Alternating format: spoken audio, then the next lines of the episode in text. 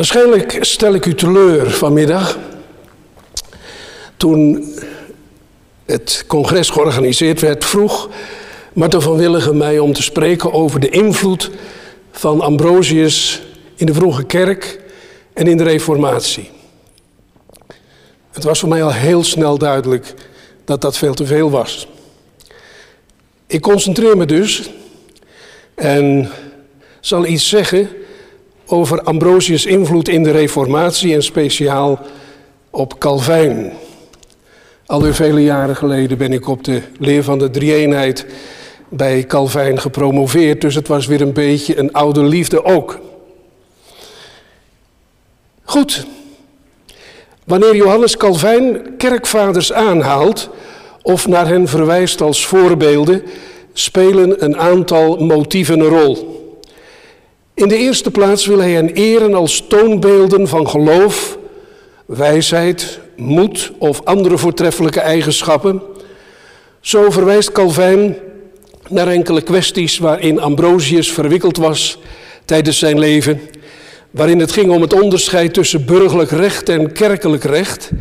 En in dat verband schrijft hij we doen er goed aan oog te hebben voor de bijzondere en gematigde opstelling van deze heilige man.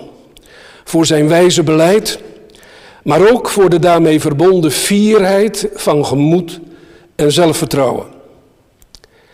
Vervolgens gebruikt de reformator vooral in zijn meer dogmatische werken de kerkvaders als gezaghebbende autoriteiten. Met name in de controversiële kwesties die op dat moment spelen. Kerkvaders genieten immers groot gezag, zowel in het rooms-katholieke kamp als bij de reformatoren.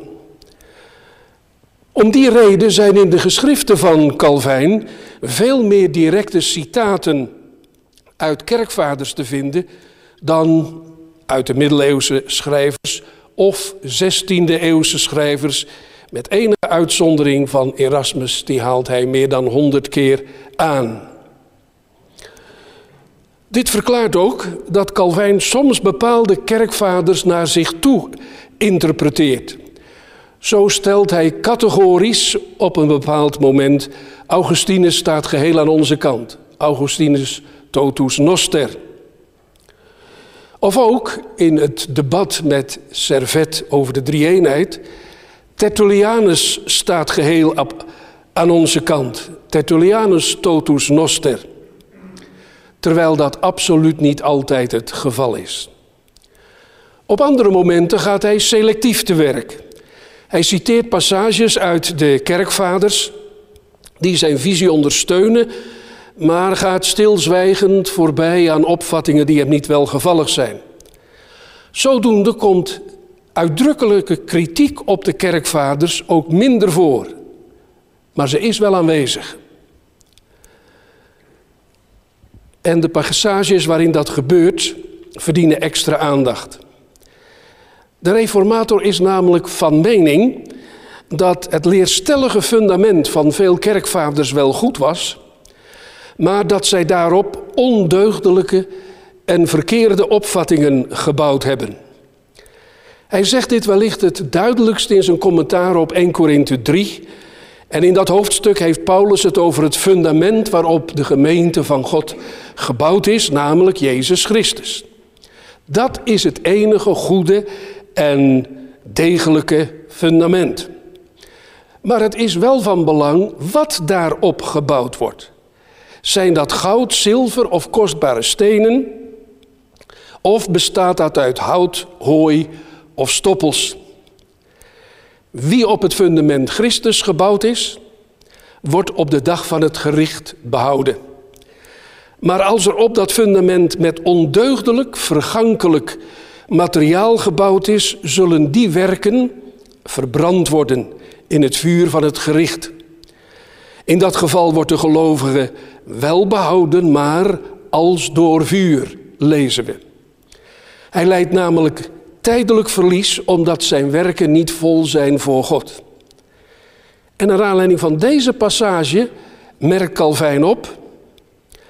Het staat vast dat Paulus hier over hen spreekt die altijd wel het fundament behouden, maar hooi met goud, stoppels met zilver en hout met kostbare stenen vermengen. Zij bouwen immers op Christus, maar vanwege de zwakheid van het vlees laten zij enige menselijke inzichten toe of wijken door onwetendheid enigermate af van de volstrekte zuiverheid van het woord van God. Zo zijn ook veel van de heiligen geweest, namelijk Cyprianus, Ambrosius, Augustinus en dergelijke.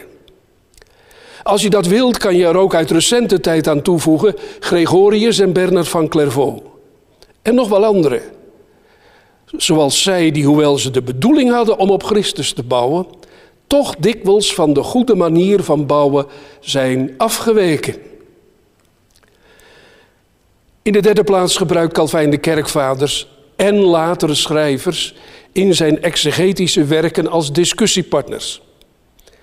In het algemeen toont hij veel respect voor de exegetische arbeid van de kerkvaders, maar bespaart hun zijn kritiek ook niet.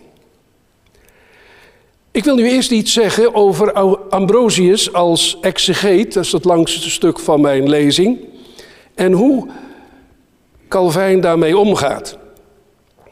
Ambrosius heeft de nodige bekendheid gekregen als uitlegger van de Heilige Schrift. In recent wetenschappelijk onderzoek is daar ook veel aandacht aan geschonken. Toch klinken vrijwel van meet af ook kritische geluiden over de kwaliteit van zijn exegese. Hij wordt ervan beschuldigd dat hij nogal wat plagiaat pleegt. Sommigen zeggen zelfs dat hij kritiekloos allegorische verklaringen overneemt van Philo en Origenes. En bovendien zou zijn uitleg moralistisch getoonzet zijn. Grondig onderzoek heeft evenwel laten zien dat deze beschuldigingen vaak al te zwaar zijn aangezet en dat de exegese van Ambrosius zich niet in negatieve zin onderscheidt van die van andere kerkvaders, integendeel. Verrassend is dat in de tijd van de Reformatie sprake is van een herwaardering van de exegetische arbeid van de bisschop van Milaan. Toegegeven, Luther kan in zijn preken Luther kan over zijn preken over de zes scheppingsdagen een scherp oordeel vellen. Ambrosius heeft zes boeken over Genesis geschreven. O, hoe slap zijn ze. Maar verder acht hij zijn werk als schriftuitlegger en theoloog zeer hoog. Na Augustinus is hij de meest betrouwbare van de kerkvaders. En ook bij Calvijn vinden we nauwelijks een kritisch geluid over Ambrosius als exegeet. Integendeel, de reformator haalt hem regelmatig met instemming aan. Nu dienen we daarbij wel in rekening te brengen dat er een aantal exegetische werken op naam van Ambrosius staan die niet van hem afkomstig zijn. Ik doel uiteraard op de collectie van vroege commentaren op de brieven van de apostel Paulus, die tegenwoordig aangeduid wordt als Ambrosiaster, om ze te onderscheiden van de echte Ambrosius. Het gaat hier om een onbekende schrijver uit de tweede eeuw, uit de tweede helft van de vierde eeuw, die de Bijbeltekst zoveel mogelijk letterlijk uitlegt, waarbij de allegorese vrijwel volledig afwezig is. Zijn commentaren zijn bekend geworden onder de naam van de kerkvader Ambrosius, totdat Erasmus aantoonde dat ze niet door hem geschreven konden zijn. Overigens verwijst Erasmus regelmatig naar Ambrosius als de schrijver van dit werk. En datzelfde doet ook Calvijn, die deze commentaren in zijn, uh, die deze commentaren in zijn uitleg over de brieven van Paulus met grote regelmaat aanhaalt. Regelmatig stemt de reformator met Ambrosiaster in, maar hij uit ook zijn kritiek. Nu, het zal duidelijk zijn dat we dit soort verwijzingen naar Ambrosius tussen aanhalingstekens in deze lezing niet kunnen gebruiken. Daardoor vermindert het aantal expliciete verwijzingen van Calvijn naar de kerkvader aanzienlijk. Maar degenen die overblijven zijn belangrijk genoeg om enige aandacht aan te schenken. We beginnen met een heel bekend gedeelte uit het werk van eh, Ambrosius. Kopje wat erboven staat is Jacob de bedrieger. Welke uitleg geeft Ambrosius van de geschiedenis waarin de aartsvader Jacob zijn oude blinde vader Isaac bedriegt en met behulp van zijn moeder Rebecca zich vermomt als zijn oudste broer en op een listige wijze de eerstgeboortezegen van zijn vader weet te verkrijgen. Genesis 27. Ambrosius verklaart deze geschiedenis allegorisch en doet dat met grote verve. Zijn allegorische uitleg heeft drie spitsen: een moralistische, een christocentrische en een tussen aanhalingstekens heilshistorische. Allereerst iets over de moralistische uitleg. Zoals bekend gebruiken nogal wat kerkvaders de allegorese onder meer om de zonde van de heiligen uit de Bijbel te minimaliseren, weg te verklaren of positief om te duiden. Dat doet Ambrosius in deze passage ook. Hij spant zich in om de spanningen die in het gezin van Isaac ontstaan, doordat hij een duidelijke voorliefde heeft voor Esau, terwijl Jacob de lieveling is van Rebecca, positief te duiden. Hij stelt dat beide ouders hun zorg tonen en liefde voor hun zoons op hun eigen manier en vanuit hun eigen motieven. In feite willen zij niets anders dan dat Esau en Jacob gelijk behandeld worden en dat de een niet de mindere is van de andere. In het feit dat Isaac meer naar Esau trekt en Rebecca meer naar Jacob, vullen de beide ouders elkaar aan. Bovendien, en dat is van belang natuurlijk, is het zo dat Rebecca het geheimenis van de belofte van God dient wanneer zij de voorkeur geeft aan de rechtvaardige Jacob boven de onrechtvaardige Esau. God had immers beloofd dat de meerdere de mindere zou dienen. Dat betekent ook dat zij met haar liefde voor Jacob het beste met Esau voor heeft. Zo bewaart zij haar oudste zoon immers voor een groter oordeel van God dat hem zeker zou treffen wanneer hij de zegen ontvangen zou hebben en die daarna zeker verzondigd en verloren zou hebben. Na dit alles zal het duidelijk zijn dat Ambrosius Jacob in een zo gunstig mogelijk licht stelt, terwijl Esau in donkere kleuren getekend wordt. Het positieve beeld van Jacob wordt onderstreept in de tweede allegorische toespitsing, de Christocentrische.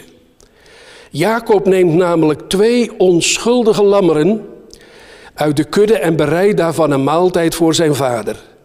Hierin blijkt, volgens Ambrosius zijn geloof, dat voor de patriarch geen enkel voedsel aangenamer was dan Christus, die als een schaap naar zijn dood werd geleid en als een lam ter slachting.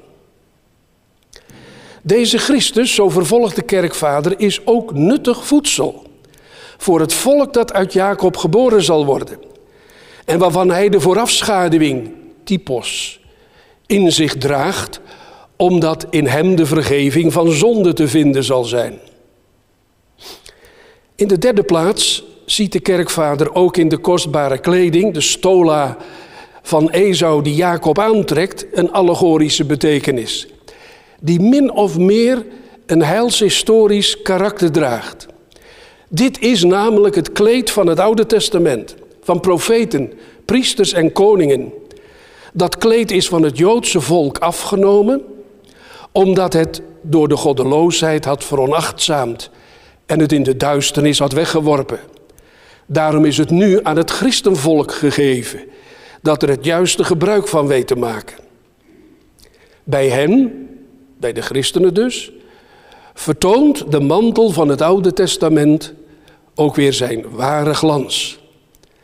Ambrosius sluit deze passage op de volgende manier af, en ik citeer hem nu letterlijk in vertaling. Isaac herkende de bekende geur van zijn zoon. Hij herkende het kleed van het Oude Testament. Maar de stem van het oude volk herkende hij niet. En daarom merkte hij dat die anders was. Want ook vandaag blijft, blijft hetzelfde kleed, maar de beleidenis van een vromer volk is begonnen wel luidender te klinken. Terecht heeft Isaac dan ook gezegd: De stem is wel Jacobs stem, maar de handen zijn Esaus handen. En hij heeft de geur van zijn kleding geroken.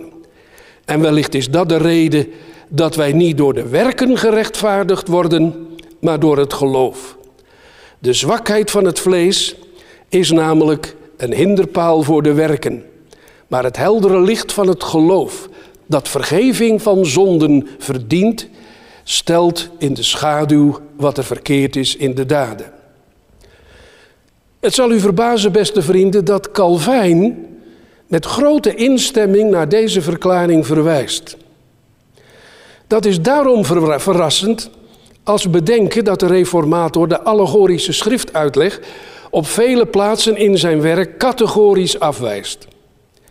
Zo wijst hij bijvoorbeeld het schriftgebruik van Augustinus op dit punt nogal eens kortweg van de hand, waarbij hij deze door hem zo gerespecteerde kerkvader zelfs met name noemt, en dat is niet gebruikelijk. Een voorbeeld uit zijn commentaar op het zonvloedverhaal, waar hij schrijft: met opzet ga ik aan de allegorische uitleg van Augustinus, die zowel in het vijftiende boek van de Stad van God als in het twaalfde boek tegen Faustus de ark als voorafschaduwing betrekt op het lichaam van Christus. Ik vind daar namelijk nauwelijks iets in dat werkelijk hout snijdt. Einde citaat. Maar hij gaat op die allegorische verklaring van Ambrosius op een andere manier in. En dat gebeurt niet terloops. We kunnen het dus niet als een soort bedrijfsongeval beschouwen waaraan we niet te veel belang hoeven te hechten.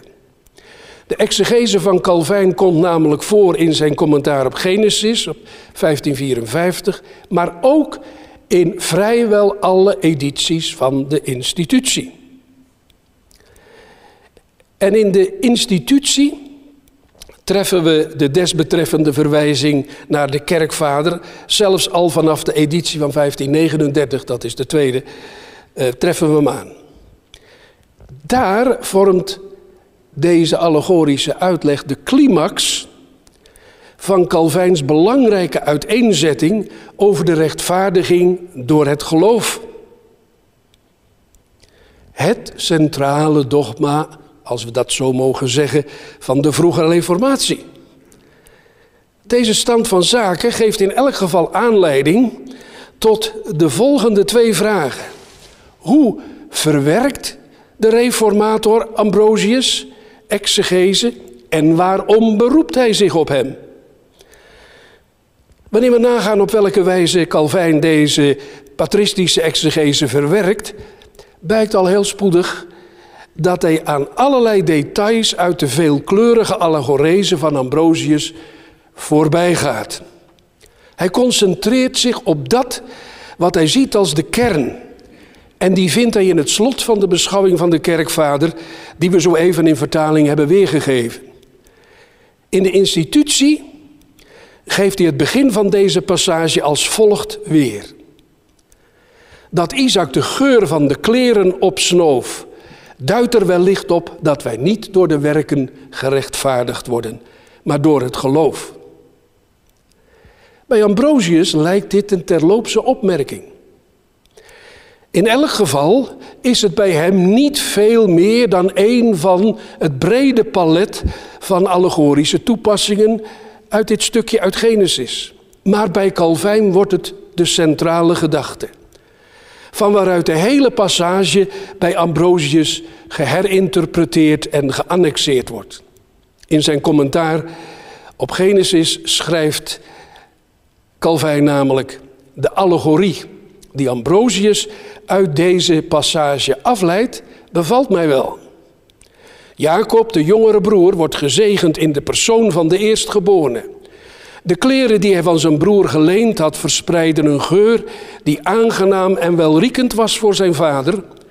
Op dezelfde manier, en nu verspringt de gedachte, op dezelfde manier worden wij gezegend, zoals Ambrosius leert, wanneer wij in de naam van Christus verschijnen voor het aangezicht van de Hemelse Vader.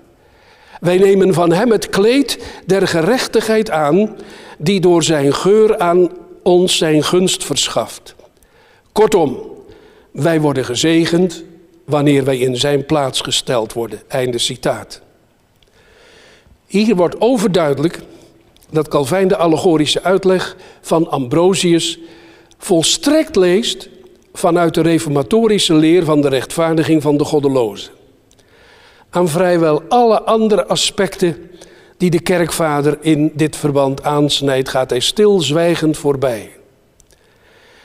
En terwijl Ambrosius het kostbare kleed van Esau dat Jacob aantrok duidt als het Oude Testament,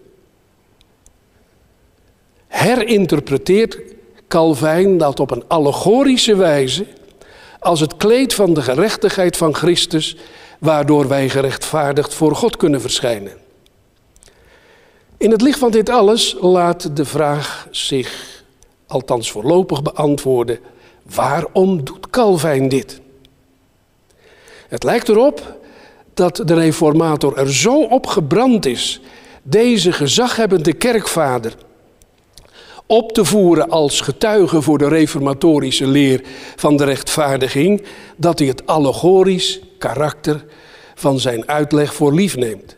Sterker nog, hij gaat zelfs zo ver dat hij de uitspraken van Ambrosius op allegorische wijze naar zich toe interpreteert. Ik kom tot een tweede kopje bij de exegetische eh, kracht van Ambrosius. Dat heet grenzen aan de emoties. Heel opvallend is dat Calvijn in zijn exegetische werken en in zijn preken herhaaldelijk de waarschuwing laat horen dat een christen niet geoorloofd is om al te zeer bedroefd te zijn in tijden van zware aanvechtingen of van rouw over een geliefde dode. Als voorbeeld noem ik een passage uit een preek van de reformator over de klacht die David uit over de dood van Saul en Jonathan in 2 Samuel 1.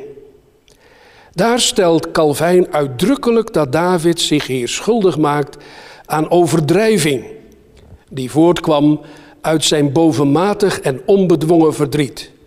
En hij vervolgt, citeer letterlijk in vertaling, laten wij ons altijd herinneren, wanneer wij verdriet hebben, dat we onszelf in de hand moeten houden. Helaas, dit is het wat God mij heeft laten zien, wat het dan ook is. Ik moet volkomen onderworpen zijn aan Hem. En als de dingen helemaal verkeerd voor mij gaan, laat mij dan volkomen kalm de bittere beker drinken die mij aan de lippen wordt gezet.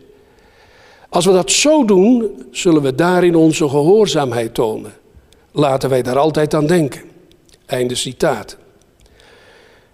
Een vergelijkbare gedachte vinden we in de commentaar van de reformator op Genesis 23. En die passage verdient onze bijzondere aandacht omdat hij hier Ambrosius noemt. Het gaat om de geschiedenis van het sterven van Sarah en de rouw die Abraham over haar bedrijft. In dat verband vraagt Calvijn zich af waarom Abraham naar het lichaam van zijn overleden vrouw toegaat en om daar te gaan rouwen en zijn verdriet te uiten. Loopt hij dan niet het gevaar om zijn verdriet al te zeer te koesteren en op te wekken, op te werken misschien zelfs? In zijn antwoord op deze vraag aarzelt Calvijn. Ik citeer letterlijk. Als Abraham naar zijn gestorven vrouw toekwam om nog overvloediger misbaar op te wekken en zijn hart door nieuwe wonden open te rijten, mogen we zijn voorbeeld absoluut niet goedkeuren. Maar gesteld dat hij persoonlijk over zijn vrouw rouw bedreef, voor zover dat overeenstemt met de wenselijke wellevendheid, en daarin voor zichzelf maat gehouden heeft, gesteld verder dat hij vrijwillig rouwbeklag geuit heeft over de algehele vervloeking van het menselijk geslacht, dan is er in geen van beide sprake van iets verkeerd. Want het voelen van geen enkele droefheid bij de aanblik van de dood is meer een teken van onbeschaafdheid en stomzinnigheid dan van geestkracht. Niettemin, omdat Abraham een mens was, kan het zo zijn dat hij, zich, dat hij de mate buiten is gegaan. En toch strekt wat Mozes er even later aan toevoegt, namelijk dat hij van zijn doden is opgestaan tot lof van zijn zelfbeheersing. Hierover oordeelt Ambrosius op een verstandige wijze dat ons door dit voorbeeld getoond wordt dat zij slecht handelen die zich al te zeer bezighouden met het betreuren van de doden. Abraham beëindigde dus op dat moment zijn rouwbeklacht en beheerste zich toen de leer van de opstanding nog in duister gehuld was. Dan is er geen enkele verontschuldiging voor hen die vandaag de teugels van hun onaandoenlijkheid, apatheia, laten varen, sinds ons in de opstanding van Christus zo'n volkomen troost ter beschikking staat. Einde citaat. Vrij lang citaat, maar hier zinspeelt Calvijn op een terloopse opmerking van Ambrosius in het eerste van de beide boeken over Abraham die teruggaan op een reeks spreken. Hij vermeldt hier eerst het begin van Genesis 23, vers 3. En Abraham stond op van de doden. Vervolgens merkt Ambrosius kortweg op. Hier wordt ons onderwezen om niet al te lang bij de doden te blijven of aan de doden te blijven hangen, maar onze plicht weer te betrachten dat het voldoende is. En dan gaat de kerkvader Ambrosius onmiddellijk over tot de onderhandelingen van Abraham over het kopen van het graf voor Sarah, etc.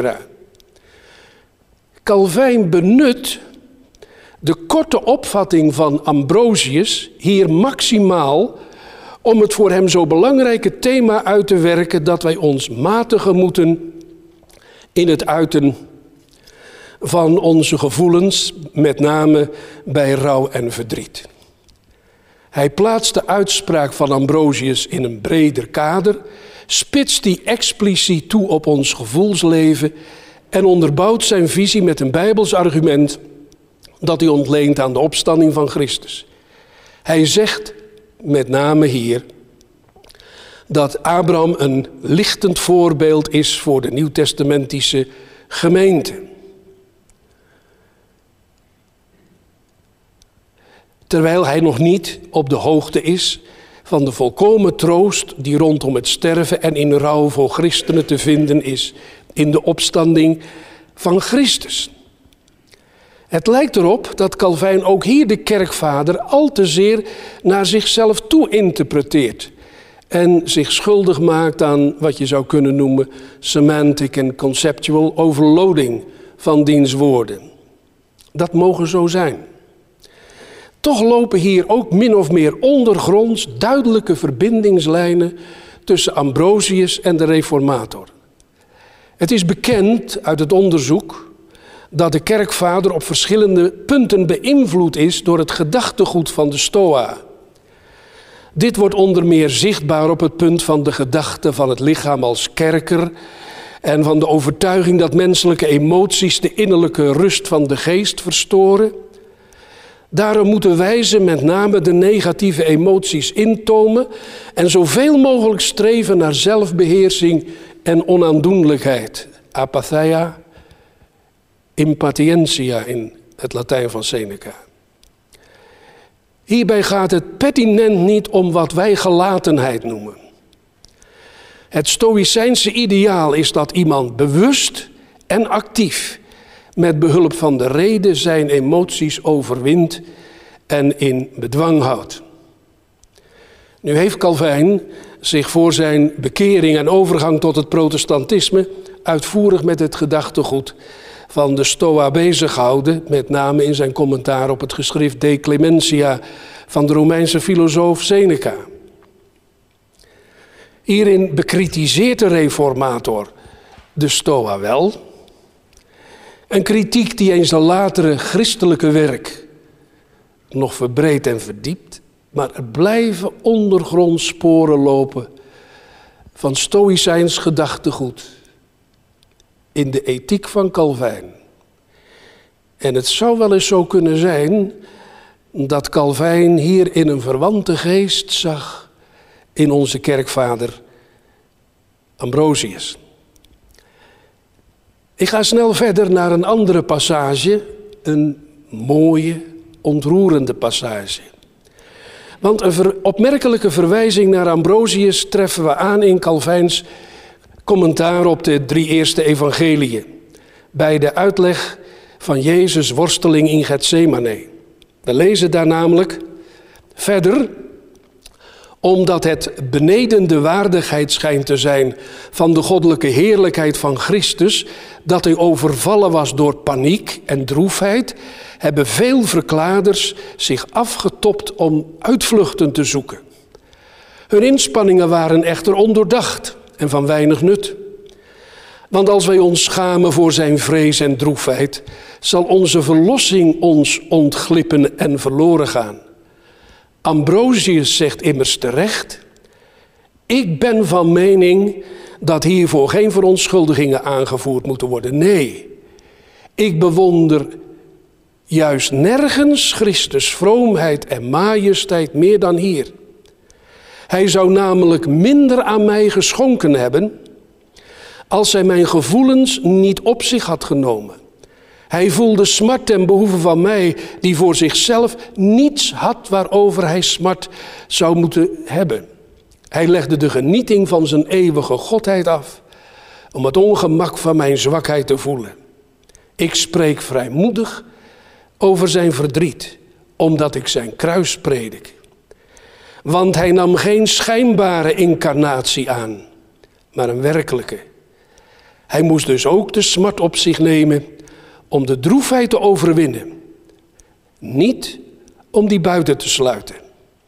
Zij oogsten immers niet de lof van dapperheid die de verdoving ten gevolge van hun wonden beter verdragen dan hun pijn. Tot zover sluit Calvijn af. Ambrosius, zij die zich inbeelden dat de Zoon van God vrij was van menselijke gevoelens, erkennen in elk geval niet dat hij waarachtig en in de volle zin mens was. Ik wil nog een enkele opmerking maken, dat zal echt heel kort zijn, over Ambrosius, over de leer van het heil en wat Calvijn daarmee doet. En dan met een paar afsluitende opmerkingen mijn betoog afronden. We hebben veel gehoord over de exegetische kwaliteiten van Ambrosius en hoe Calvijn die gebruikt. Maar hoe staat het met de soteriologie of de leer van het heil? Ook hier beroept Calvijn zich op verschillende punten op Ambrosius. Maar daarbij vallen op zijn minst twee dingen op. In de eerste plaats zijn de meeste citaten erg kort. En vervolgens haalt de reformator Ambrosius enkele keren aan via Augustinus, die hem eerst al geciteerd had. Zoals bekend citeert Augustinus zijn leermeester vooral in zijn latere werk herhaaldelijk in verband met de strijd met de Pelagianen. Wel nu, van elk van die twee punten geef ik een voorbeeld. Allereerst van een wel heel erg kort citaat. In zijn verhandeling over de biecht in institutie 3.4 wijst Calvijn de scholastieke leer van de boete en de genoegdoening resoluut van de hand. Hij heeft daarvoor een hele reeks argumenten. Bij één daarvan valt de naam van Ambrosius. De reformator zegt dan, Petrus kreeg vergeving van zijn zonde. We lezen wel over tranen, zegt Ambrosius, niet over een genoegdoening. Maar wat staat er bij Ambrosius? Daar zegt de kerkvader veel meer dan wat Calvijn aanhaalt. Ik citeer het stukje. Waarom huilde Petrus? Omdat de schuld hem overrompelde. Gewoonlijk huil ik wanneer ik geen schuld heb. Dat wil zeggen als ik mijzelf niet verdedig, als ik niet krijg wanneer ik al te zeer verlang. Petrus had verdriet en huilde omdat hij als mens dwaalde. Ik vind hier niet dat hij gesproken heeft. Ik vind hier dat hij gehuild heeft. Ik lees hier van zijn tranen. Ik lees niet van genoegdoening. Maar wat niet verdedigd kan worden, kan afgewassen worden. Laten de tranen het vergrijp afwassen waarvoor we ons schamen, dat met woorden te beleiden. Tranen zorgen voor vergiffenis en beschaamdheid. Tranen spreken zonder schroom van schuld. Tranen bekennen de wandaad zonder het opkomen van beschroomdheid. Tranen vragen niet om vergiffenis, maar verdienen die wel. Dat zegt Ambrosius ook.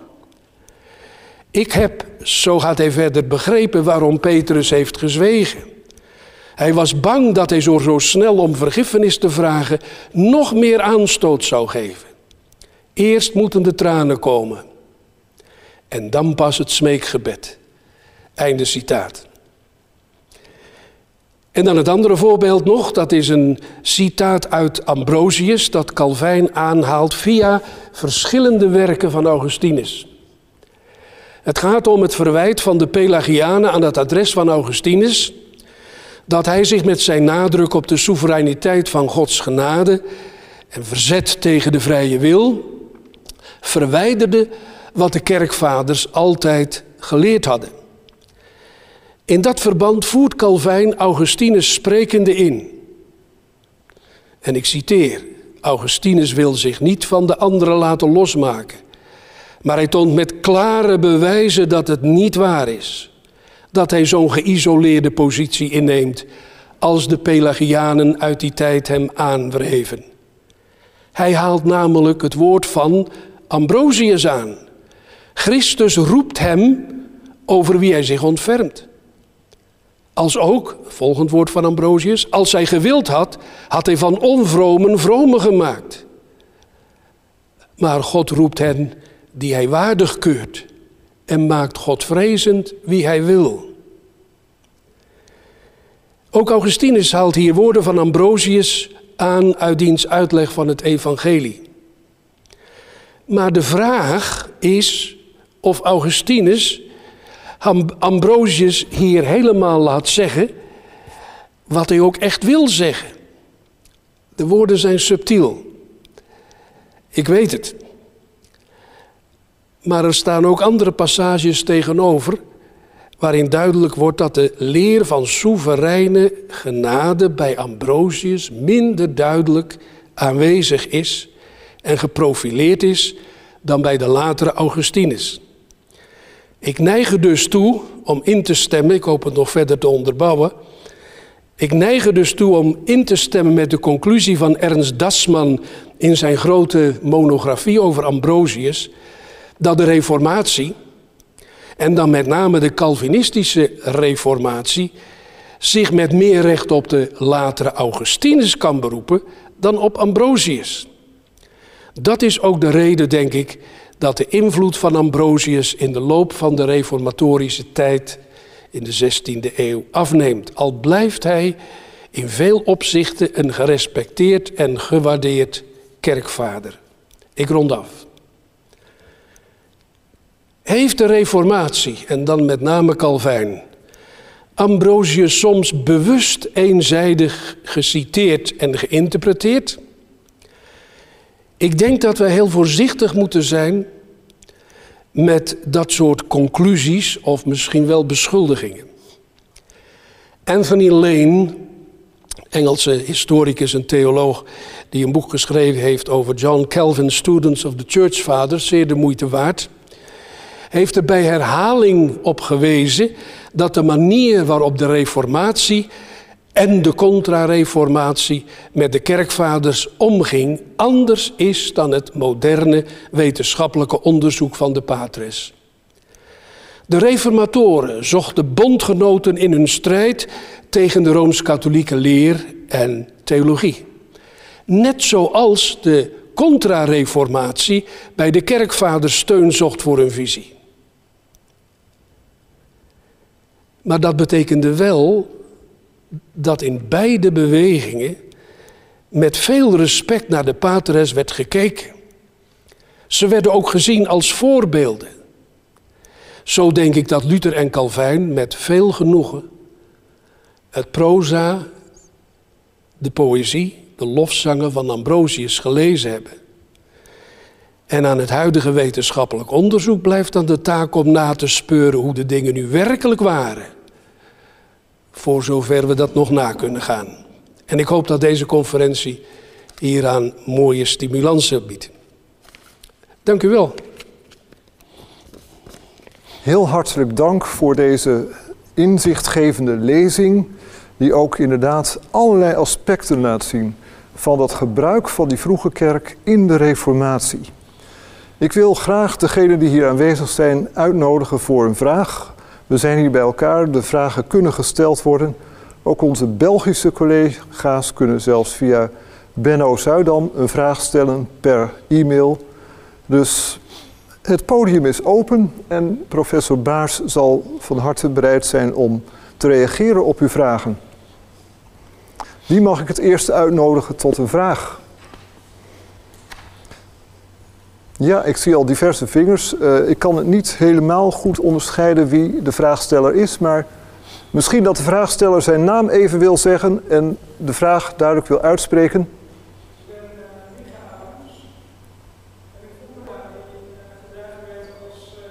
Ja. Ja, dankjewel. Uh, dus de vraag is eventjes die stola. Ja? Die stola, uh, dat is toch een beetje merkwaardig. Uh, normaal gesproken is er toch sprake van een toga bij een kerkkostuum. Maar het gaat vooral inderdaad in dit verhaal over de daadwerkelijke kleding, zeg maar, die gedragen werd door, Eze, door Jacob. En die kleding, dat was dus in de, in het, in de usual situation, zo gezegd, in de gebruikelijke situatie, was bij de Romeinen ook een ja, stola onderkleed. Hè, dus dat had niet zoveel te betekenen. Dus dat even als korte reactie. Ja, dan neem ik het een beetje voor jou weg misschien. Maar... Ja, dat geeft helemaal niet. Ja, ja. Uh, stola is natuurlijk uh, ook min of meer uh, de officiële waarin, een dracht waarin een Romeins staatsburger zich presenteerde. En dit is een plechtige gelegenheid wanneer een zoon eh, bij zijn vader komt om gezegend te worden. Dus het wordt helemaal in de sfeer van, van, van die tijd van Ambrosius gezet. Ja, maar dan toch een stola en geen toga. Ja, ja heel goed.